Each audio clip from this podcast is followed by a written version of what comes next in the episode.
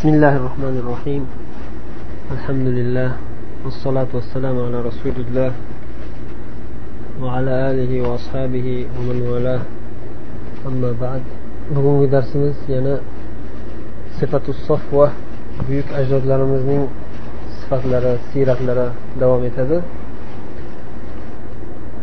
kechagi darsimizda usmon roziyallohu anhuning hayotlarining birinchi qismini o'qigandik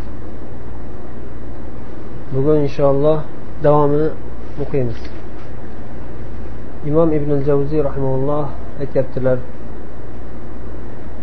خلافته رضي الله عنه usmon roziyallohu anhuning xalifa bo'lishliklari بويع يوم الاثنين لليلة بقيت من ذي الحجة سنة ثلاث وعشرين واستقبل بخلافته المحرم سنة أربع وعشرين وعاش في الخلافة اثنتي عشرة سنة. دشنبكنا ذي الحجة أيضا إن أخرجي كيتشاس قوغندا ذي الحجة أيضا إن أخرجي كيتشاس يعني يجرم أتشنشي هجري سنة oxirgi kechasida bayat berilgan واستقبل بخلافته المحرمة سنة أربع وعشرين shunday qilib yigirma to'rtinchi yil muharram oyi birinchi kunidan boshlab xalifaliklarni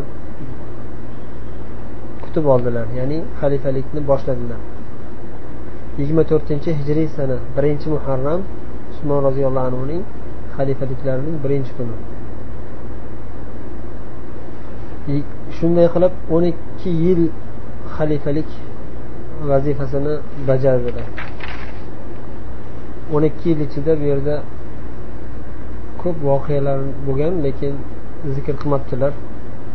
Usmon roziyallohu anhuning davrlarida xuddi umar roziyallohu anhuning davrlarida bo'lgan kabi jihod va islom davlatining yuksalishligi va rivojlanishligi davom etadi.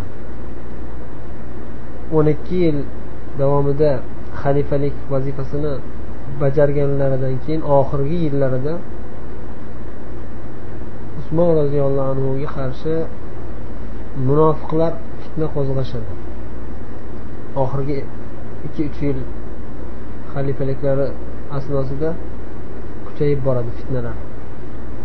Fitnachilar usmon roziyallohu anhuning halimliklari rahmliklari shafqatliklarini g'animat bilib shundan foydalanib u kishiga qarshi fitna qo'zg'ashda davom etishaveradi. Usmon roziyallohu anhu umar roziyallohu anhuga o'xshash haqiqat ustida juda ham qattiq qo'l bo'lib fitnachilarni qattiq adabini berishda u darajada emasdilar. Ya'ni umar roziyallohu anhu kabi qattiq turmasdilar o'shaning uchun ham fitnachilar taltayib ketishadi. Taltayib ketib bir necha bor qo'lga tushsa ham kechirib yuborsalar ham afu qilsalar ham yana fitnani qo'zg'atib usmon roziyallohu anhuni nomlariga tuhmatlar yog'dirib odamlarni aldab sodda ahmoq johil yoki mansabparast odamlarni aldab o'zlariga bir alohida guruh to'plab madinaga bostirib kelishadi mana shu qissa haqida mana imom ibn javziy aytyaptilar zikru maqtalihi roziyallohu anhu qatl qilinishliklari zikri حصر في منزله أياما uylarida bir necha kun qamalganlar. Fitnachilar bostirib kirishadi. Keyin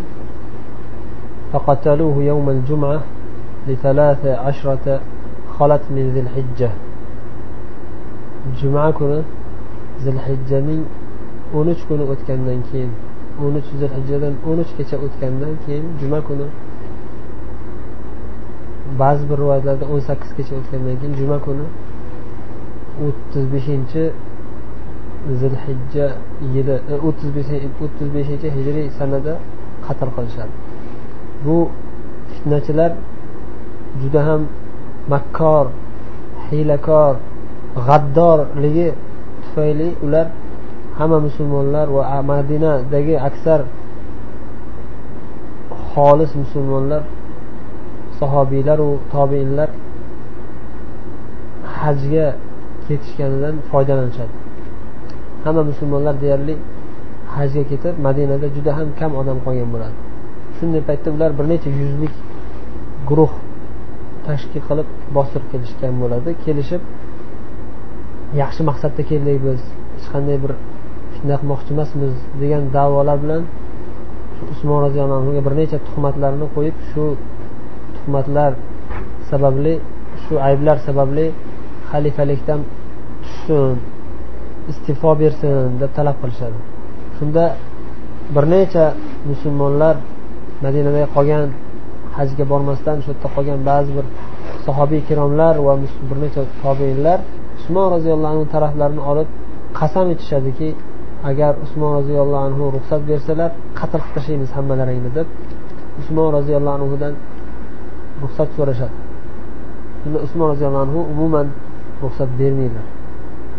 Aslo aslo men sababli hech qanday urush janjal chiqmasin bir tomchi qon to'kilmasin deydilar. Shunda ali roziyallohu anhu o'g'illari hasan husan hasan va husayn va yana abdulloh ibn jafar adashmasam va abdulloh ibn abbos yana bir necha yosh yigit va yoshlari ham anchaga borib qolgan sahobiylar va boshqa musulmonlar jonlarimizni fido qilib sizni himoya qilamiz deb turishganda usmon roziyallohu anhu aytadilarki agar men xalifa bo'lsam sizlar menga itoat qilishinglar farz bo'lsa qilichlarni tashlab uyinglarga ketinglar dedilar shunda ular majbur xalifaga itoat qilishib uyga qaytib ketishadi واختلف في قاتله فقيل الأسود التجيبي من أهل مصر وقيل جبلة بن الأيهم وقيل سودان بن رومان المرادي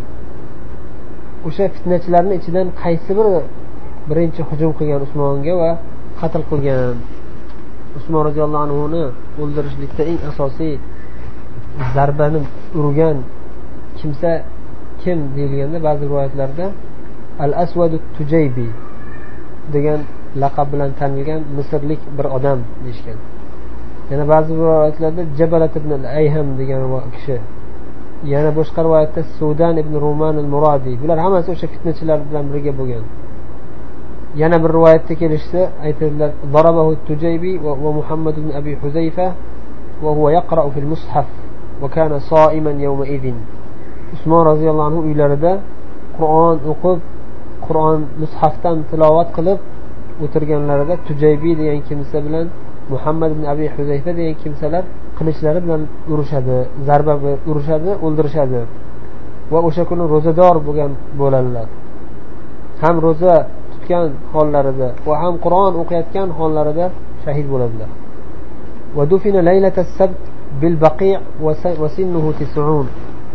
Baqiy qabristonida shanba kechasi ya'ni juma kuni kechqurun shanbaga o'tar kecha yoshlari to'qsonga kirgan hollarida vafot qilib baqiy qabristoniga dafn qilinadilar وعن عبد الله بن فروخ قال شهدت عثمان بن عفان دفن في ثيابه بدمائه وصلى عليه الزبير وقيل حكيم بن حزام وقيل جبير بن مطعم tobiinlardan abdulloh ibn farruh aytadilar usmon ibn affonni qonlariga belangan hollarida o'z kiyimlari bilan dafn qilinganliklarini o'zim ko'rdim shunga o'zim shohid bo'lib hozir edim u kishining janozalarini zubayr roziyallohu anhu o'qiganlar ba'zi rivoyatlarda hakim ibn hizom roziyallohu anhu yana ba'zi rivoyatlarda jubayr ibn mutain roziyallohu anhu o'qiganlar balkim hammalari janoza o'qishda qatnashishgan lekin ba'zilarida balkim ikki martalab janoza o'qishganmi allohu alam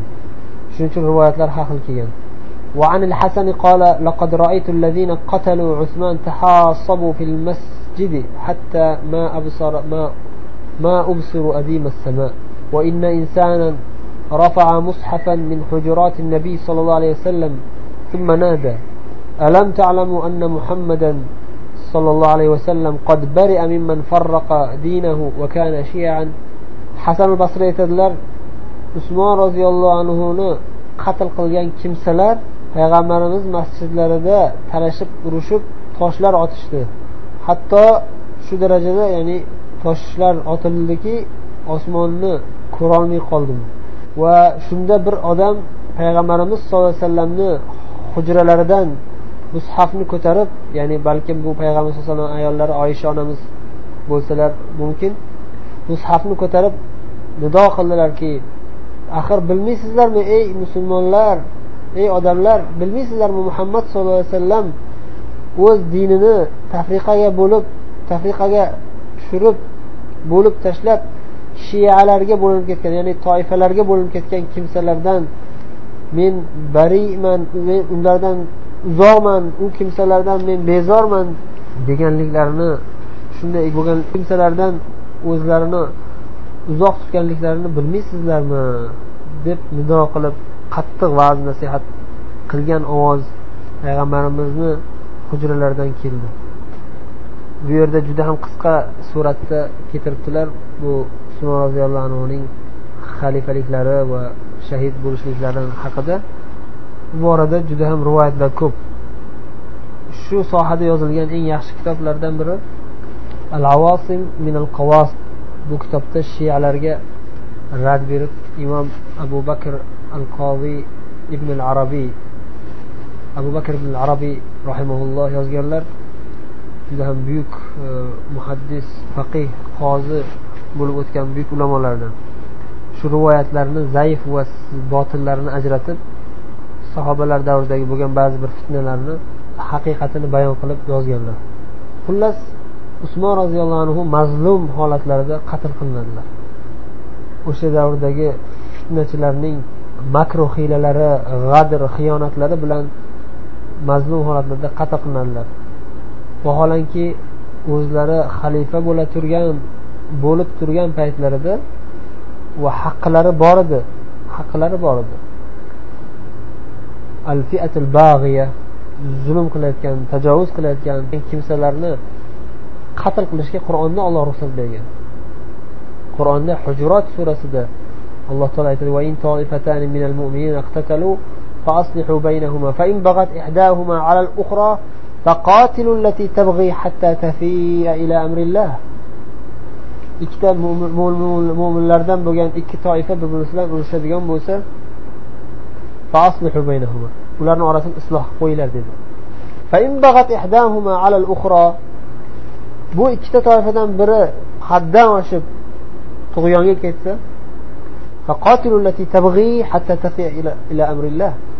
bag'iy tajovuzkorlikka o'tib ketgan toifaniga qarshi urushinglar ularga qarshi jang qilinglar.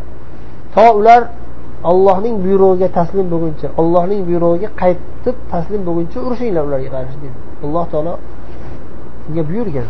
Usmon roziyallohu anhu haqqilari bor edi o'shalarga qarshi bir og'iz yo'qotinglar bularni desalar o'sha madinadagi oz sonli bo'lsa ham lekin shijoatli bo'lgan sahobiylar bularni adabini berib hammasini jazolashga qodir bo'lishardi. Lekin usmon roziyallohu anhu xalifalik davrlarida biron bir musulmon odamni bir tomchi qoni to'kilishini xohlamadilar. Men sababli bir tomchi qon to'kilmasin deb qat'iyan man qildilar. Hech kim aralashmasin. Man bularga haqiqatni ochiq oydin bayon qildim. Endi bundan buyog'i o'ziga havola bularni agar shu haqiqatni ko'rib turib ham hech qanday meni xalifalik mm, vazifasida hech qanday aybim yo'qligini ko'rib turib rasululloh sollallohu alayhi vasallamdan kelgan fazilatlar haqidagi rivoyatlarni meni haqimdagi rivoyatlarni eshitib turib menga tajovuz qilsa endi bularni o'zi javob beradi. Sizlar aralashmanglar deb qat'iyan man qildilar. Va shu bilan o'zlari mazlum holatlarda shahid bo'lib ketdilar. Va bu voqea juda ham achinarli bo'lishiga qaramasdan buni ostida juda ham katta buyuk hikmatlar bor. Bu hikmatlar haqida ulamolar ko'p kitoblarda yozishgan. Eng asosiylaridan biri ba'zi bir o'rinlarda inson o'zini haqqidan voz kechib bo'lsa ham isloh qilishga harakat qilish kerak. O'zini jonini fido qilib bo'lsa ham ular unga qarshi chiqayotganlar zolim bo'lsa ham mayli deb turib sabr qilish kerak bo'ladi. Sabr qilib mazlum holatda qatl qilib ketsa ham joiz bo'ladi balki vojib bo'lishi mumkin. Chunki rasululloh sollallohu alayhi vasallam hadis aytganlarki qiyomatdan oldin shunday fitnalar bo'ladiki musulmonlar bir birini o'ldirishga kirib ketadi deganlarida aytdilar kun abdallohil maqtul vala takun abdallohil qotil qatl qilinadigan allohning bandasi bo'lgin. Qatl qiluvchi banda bo'lib qolmagin dedilar. Ya'ni musulmonlar bir birini urushganda sen maqtul bo'lgin qotil bo'lmagin. Hatto sen haq bo'lsang ham senga qarshi musulmonlar qarshi urushsa o'sha musulmonlar zolim va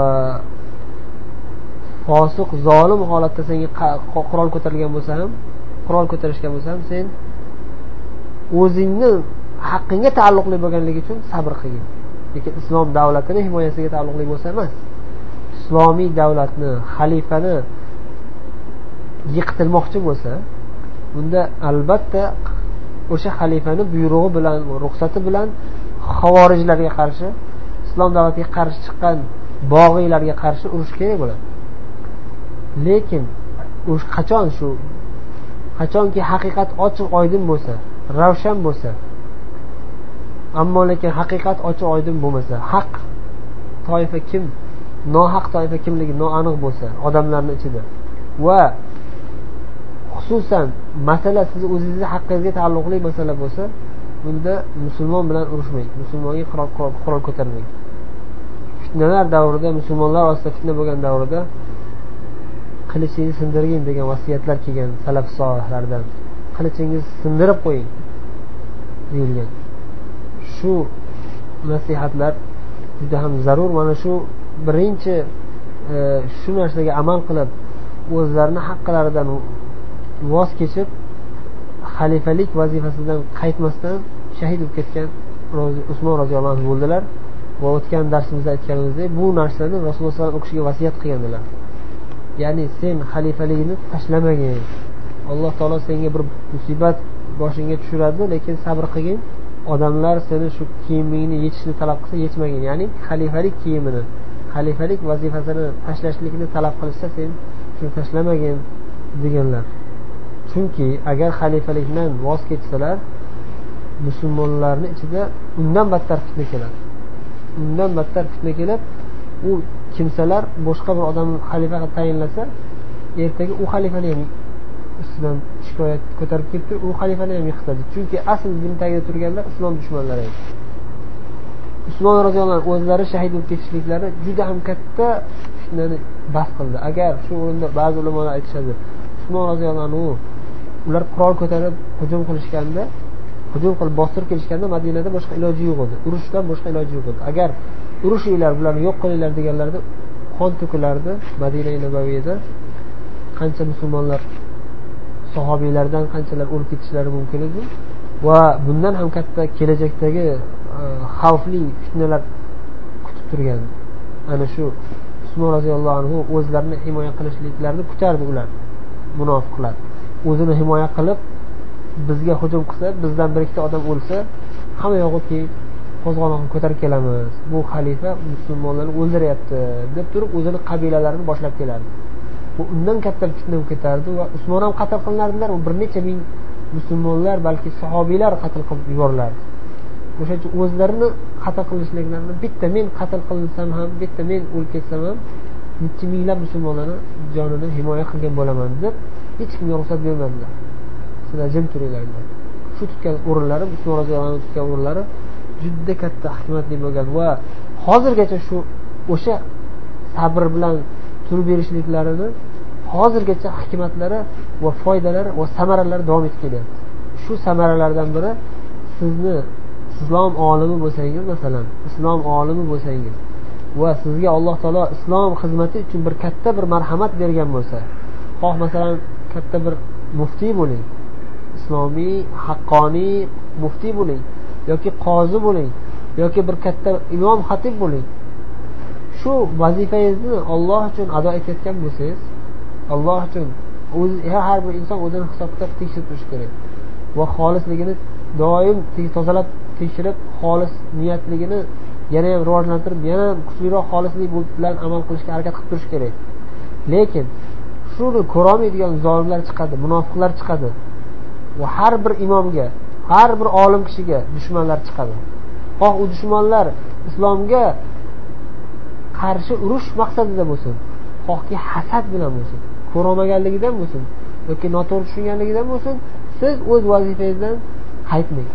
Bo'ldi man tashladim man maydonni munofiqlarga fosiqlarga zolimlarga johil ahmoqlarga tashlab ketmang turib bering. Lekin siz sababli qon to'kilmaslikka harakat qiling. Siz o'zingizni qoningiz to'kilsa ham boshqalarni qoni to'kilmaslikka harakat qiling. Mana usmon roziyallohu anhu hozirgacha shu kishiga savob ajrlar tegib turadi. O'sha mavqiflari turib berganliklari va o'zlarini jonlari ketishiga rozi bo'lishliklari nechi minglab musulmonlarni himoya qilgan. Agar o'sha haligi aytganimizdek usmon roziyallohu o'zlarini jonlarini ham himoya qilib o'sha munofiqlarni zolimlarni o'ldiringlar ularni daf qilinglar bular yomon fitnachi bular desa gaplari to'g'ri bo'ladi lekin natijasi kelajak natijasi zarar kuchli bo'ladi. Chunki ularni orqasida qabilasi bor. Qabilalar hammasi ham ilmli emas johil xalqlar aksariyati johil bo'ladi. Bitta qarindosh o'ldirib qolsa ayniqsa arablarda odat bo'lgan. Bitta odam o'ldirilsa butun qabila ko'tarilib chiqadi. Johiliyatda qanday bo'ldi? Payg'ambarimiz kelishlaridan oldin bitta kichkina zarrani deb kichkina bir bitta qabiladan bo'lgan odam boshqa bir qabilachiga tupurib qo'ysa ketdi. Bitta tupurib qo'ysa ikkita qabila urushib ketardi.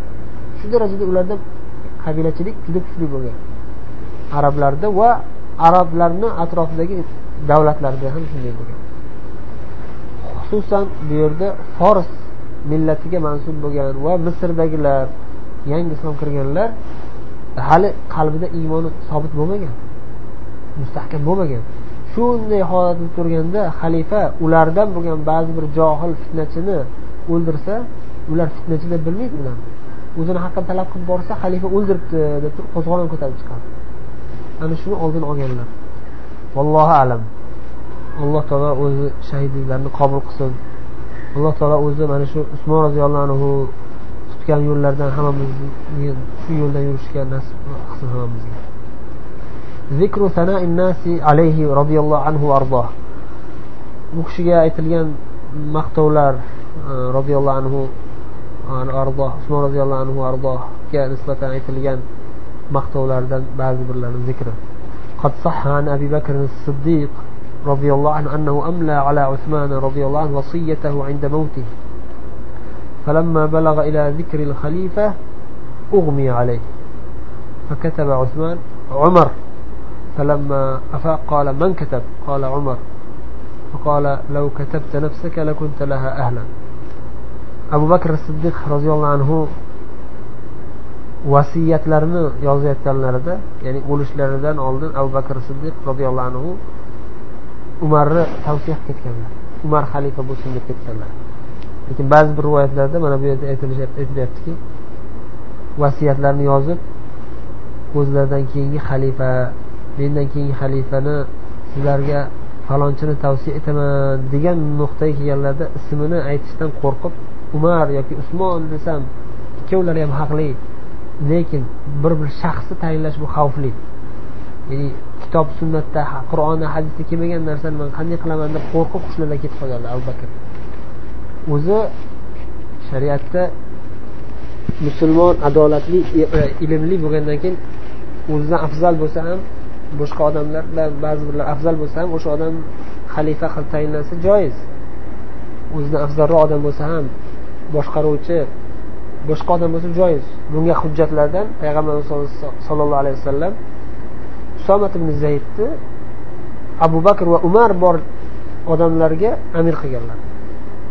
Usomat ibn zaydni amir qilganlar. O'n olti yoshlik o'n yetti yoshlik yosh yigit sahobiyni bir katta minglik adashmasam o'n bir minglik askarga amir qilganlar. Bu askarlar ichida abu bakr ham bo'lganlar.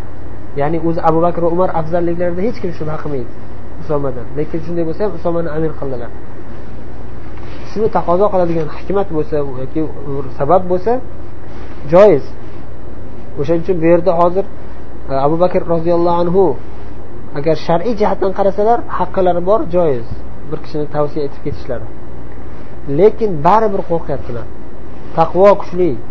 Allohdan qo'rqishlari kuchli bo'lganligi uchun shu umar deb ketsam yoki usmon deb ketsam shuni xalifa qilinsa undan ko'ra afzalroq odam bo'lsayu yoki usmon xato qilib qo'ysa boshqa bo'lsa manga keladi o'sha xatoda qo'rqib.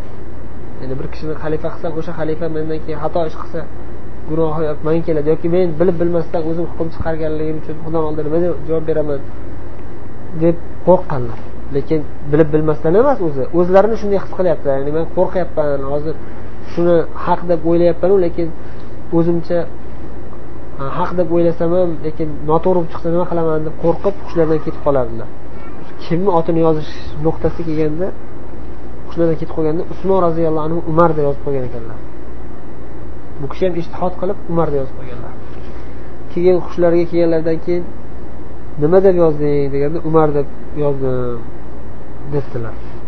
Shunda agar sen o'zingni usmon deb yozganingda ham o'zi sen haqli bo'larding. Mayli umar deb yozibsan umar bo'la qolsin dedilar.